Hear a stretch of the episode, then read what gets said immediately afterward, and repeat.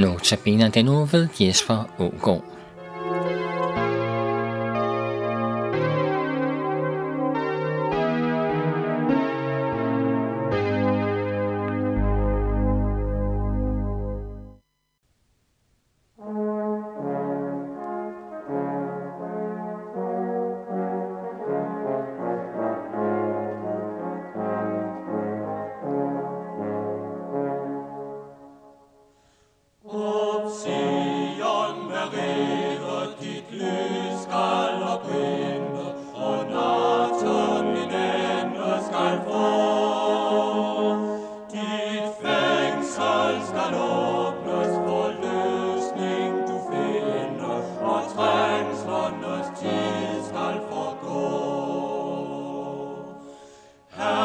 come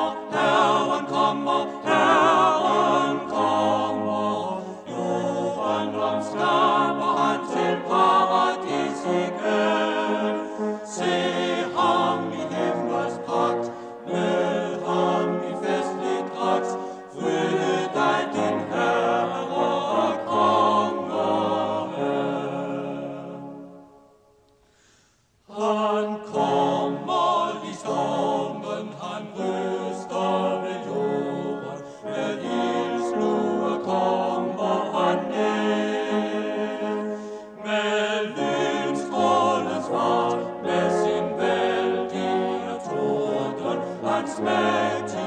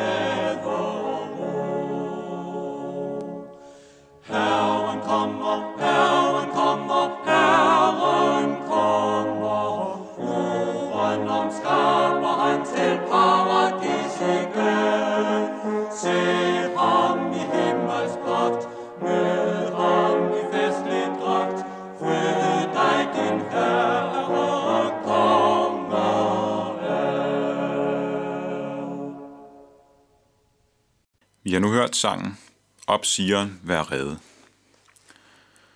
I går hørte vi om, hvordan nogle af jødernes religiøse ledere konfronterede Jesus på tempelpladsen og ville vide, hvem han var. Jesus henviste dem til Johannes Døbers budskab om omvendelse, det vil sige syndsbekendelse og opgør med synden.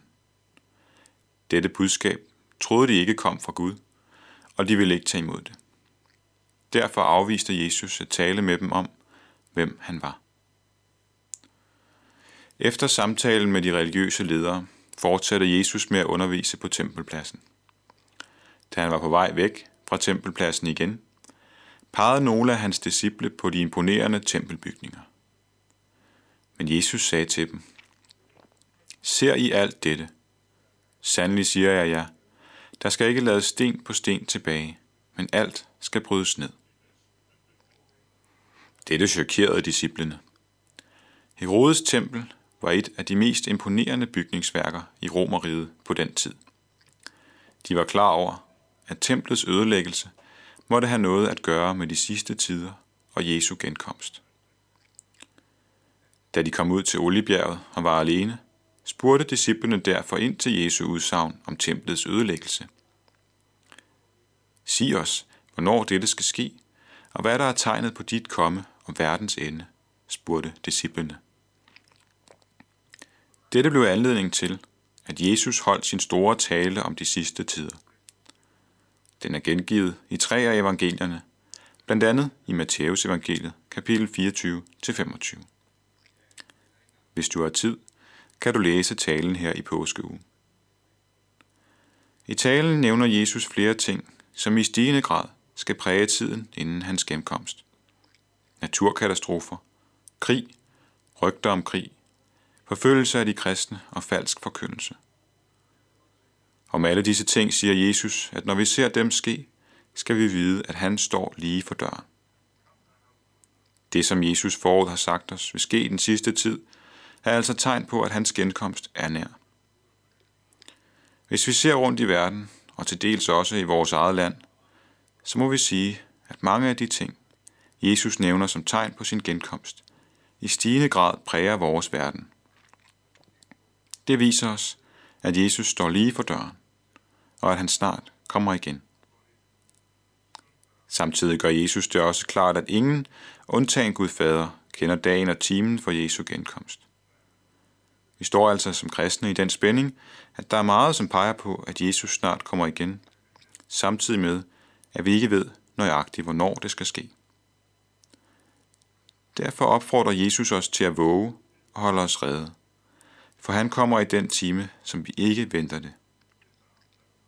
Bibelen viser os, at den sidste tid inden Jesu genkomst skal være en søvnens og en frafaldets tid.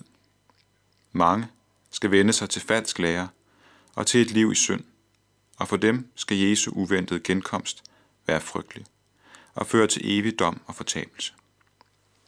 Derfor lyder opfordringen til os. Våg, for du ved ikke, hvornår Jesus kommer igen. Hold dig vågen. Hvordan gør vi det?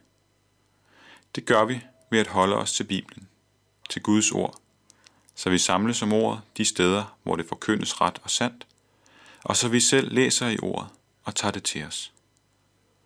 Gennem sit ord vil Gud afsløre vores synd og kalde os til bekendelse og opgør med synden over for Gud og over for mennesker.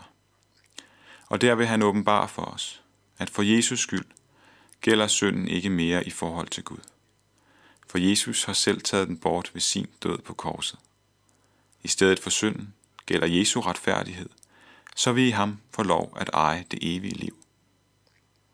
Når han kommer igen, henter han alle dem hjem til sig, som har holdt fast ved hans ord og troen på ham. For dem bliver Jesu genkomst en glædens dag.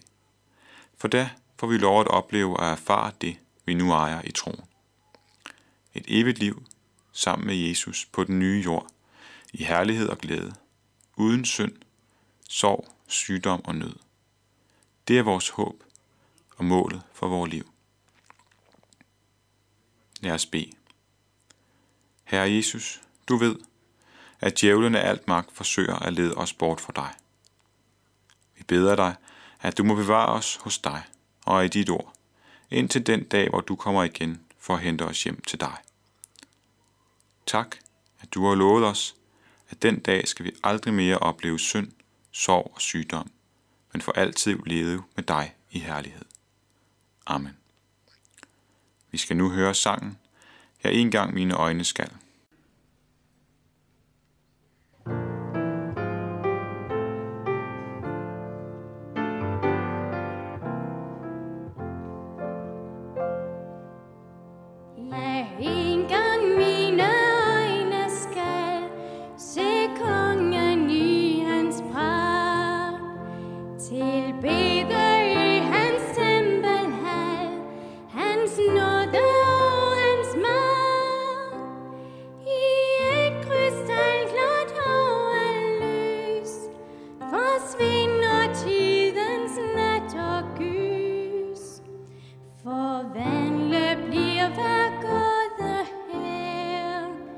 till